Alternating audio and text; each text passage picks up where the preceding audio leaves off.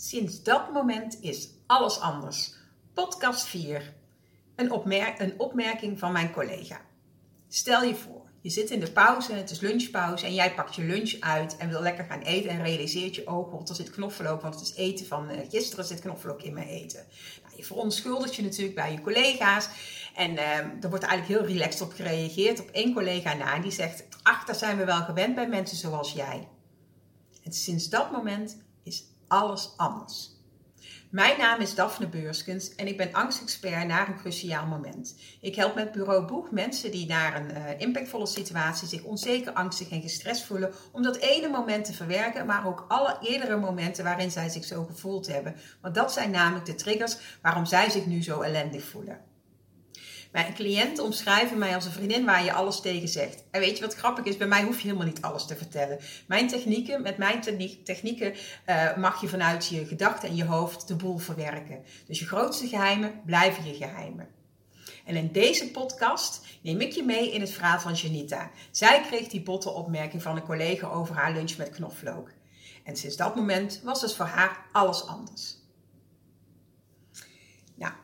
Janita verontschuldigde het bij de, tijdens toen, toen die opmerking uh, kwam van die collega, verontschuldigde zij zich meteen en uh, begon snel haar eten op te eten en liep terug naar, uh, naar, haar, naar haar kamer. Haar kantoortje.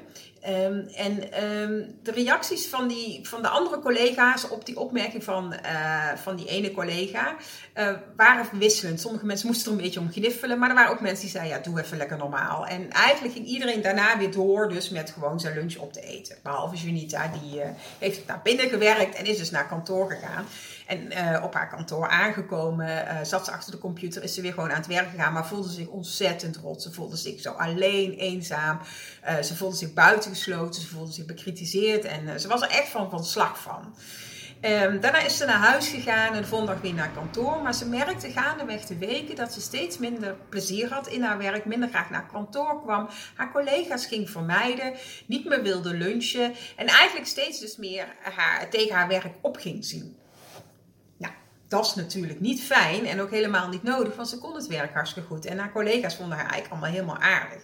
Maar goed, ze merkte dus dat ze steeds minder zichzelf op haar werk kon zijn. En ook thuis merkte ze langzamerhand dat uh, haar gedrag ook uh, begon te veranderen. Dat ze zich ook onzekerder voelde en niet altijd uh, op ter plek.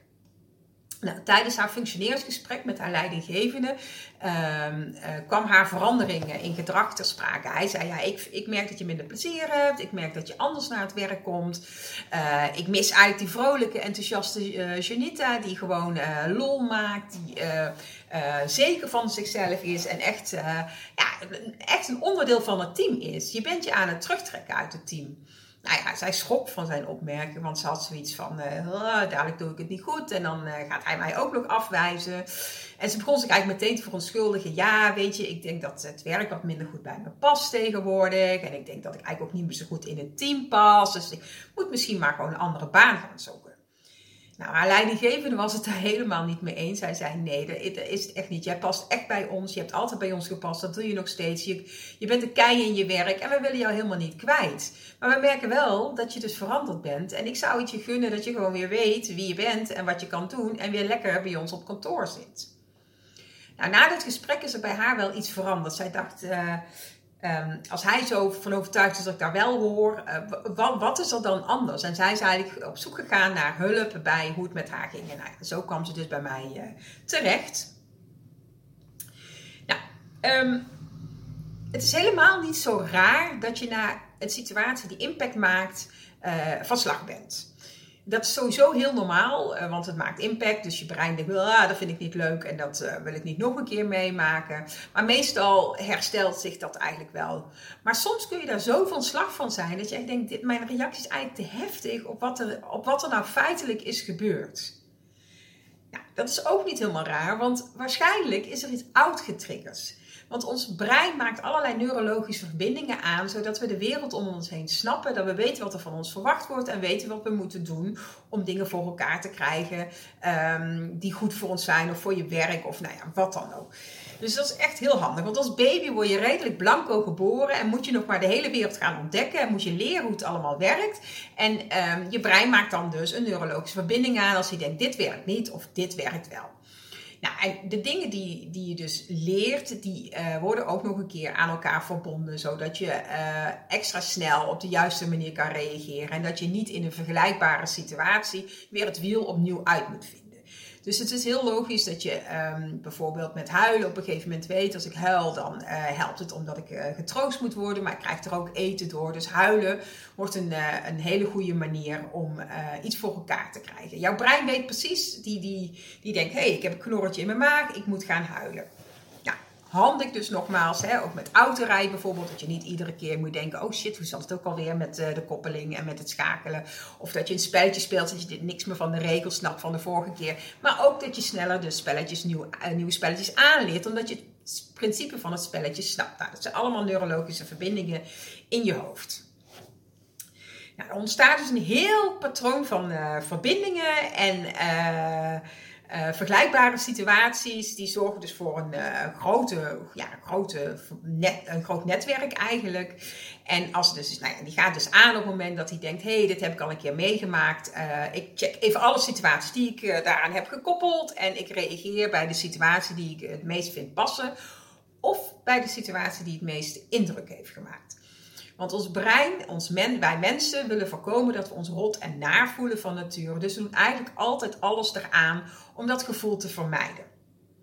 Dus op het moment dat ons brein denkt, ha, dit vind ik niet leuk, ik wil dit niet nog een keer meemaken, dan gaat hij terug naar de allereerste keer dat hij dit heeft meegemaakt, dat gevoel heeft gehad en reageert dus eigenlijk ook weer zoals die allereerste keer. Want dat is namelijk wat hij het beste kan herinneren. En dat gebeurde bij Janita dus ook. Iets werd aangeraakt door die opmerking van die, eh, van die collega, waardoor zij meteen dacht: ja, maar ik, dit, ik moet weg, hier hoor ik niet bij, ik wil dit niet nog een keer meemaken. Terwijl het allemaal collega's zijn die je hartstikke leuk en uh, fijn vinden. Nou, um, tijdens onze, eigenlijk onze eerste afspraak uh, uh, vertelde Janita dus haar verhaal van de situatie met de collega en hoe het nu met haar ging op het werk en dat ze zich zo onprettig voelde. Um, en ik, ja, ik vroeg aan haar, hoor, die collega, hè, die, die, die zei tegen jou dat, je, uh, dat, dat, dat jullie soort mensen, wat hij daar mee mag bedoelen, maar in ieder geval dat dat wel normaal is dat jullie naar knoflook ruiken. Wat voor gevoel gaf jou dat? Ja, voelde me echt, uh, echt afgewezen om wie ik ben en ik er niet bij hoor. Dus ik vroeg haar, en wanneer heb je dat gevoel nog vaker gehad? En ze was even stil en ze moest even nadenken. En uh, ze zegt, ja, dat heb ik eigenlijk op de middelbare school ook gehad. Want uh, daar werd ik eigenlijk gewoon gepest om mijn Surinaamse afkomst. Dat had op de basisschool hoorde ik er gewoon bij, maar op de middelbare school ineens was ik anders en moest dat heel erg benadrukt worden. Ze zegt, en ik heb me toen ook zo anders gevoeld als anderen en zo alleen en zo, uh, ja, ik mocht er niet bij horen, had ik dat gevoel.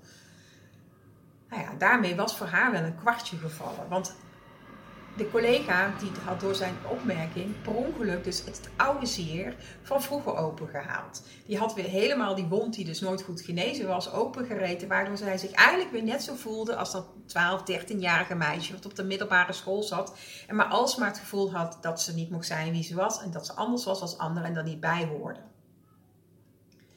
Nou, in die middelbare school heeft ze zichzelf eigenlijk heel goed overeind gehouden. Um, ze is daarna gewoon gaan werken. Ze heeft eigenlijk altijd gewoon haar stinkende goede best gedaan. En was dus ook vergeten dat ze in de middelbare schooltijd gepest was om wie zij was. Nou ja, door die opmerking van die collega kwam het eigenlijk allemaal weer naar boven. Nou, gelukkig is daar dus iets aan te doen.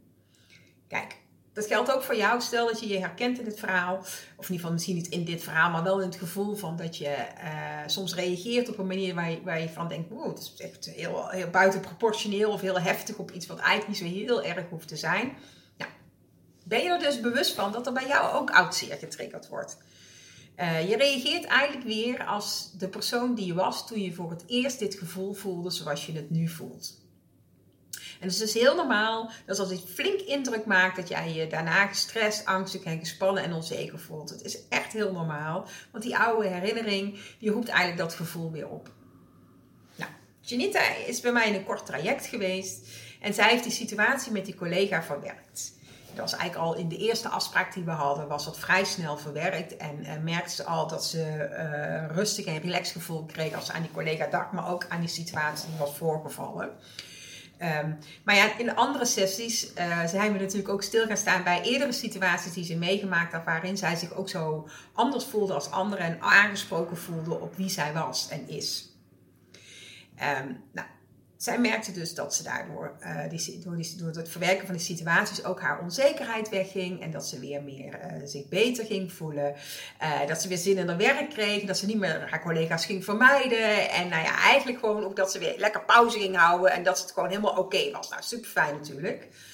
Maar mocht jij nu merken dat je ook wel zo slag raakt en je uit het veld voelt geslagen door dat wat er gebeurt.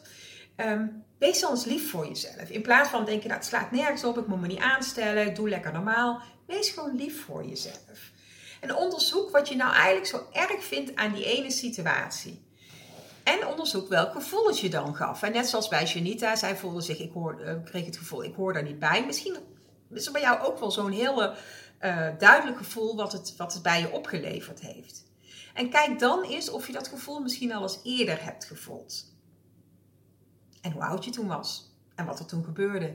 En wees eens lief voor die persoon die je op dat moment was. Want die heeft de stinkende best gedaan om er op een goede manier om te, mee om te gaan.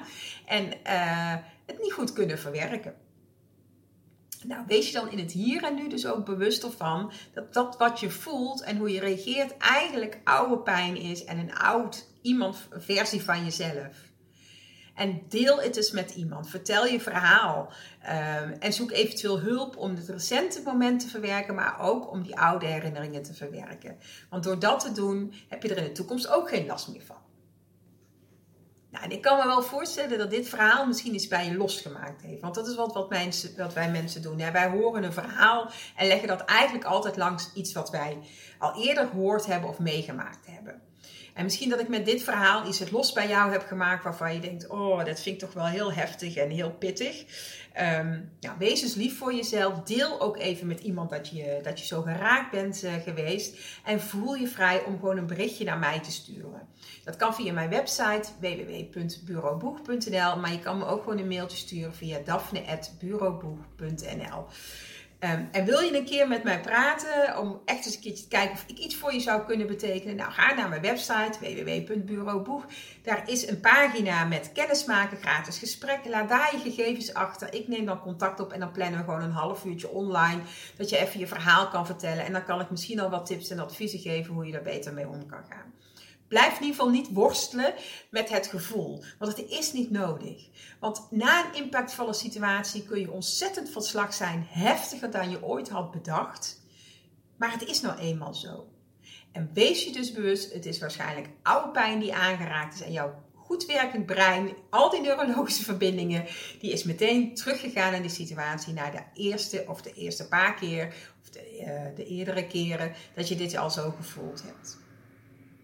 En jouw brein doet het dus eigenlijk hartstikke goed. En dan mag jij gewoon het gaan oplossen en loslaten, zodat je niet meer tot wars zit en die neurologische verbinding dus anders gaat worden. Dankjewel voor het luisteren. Tot de volgende keer en ik wens je nog een mooie dag toe.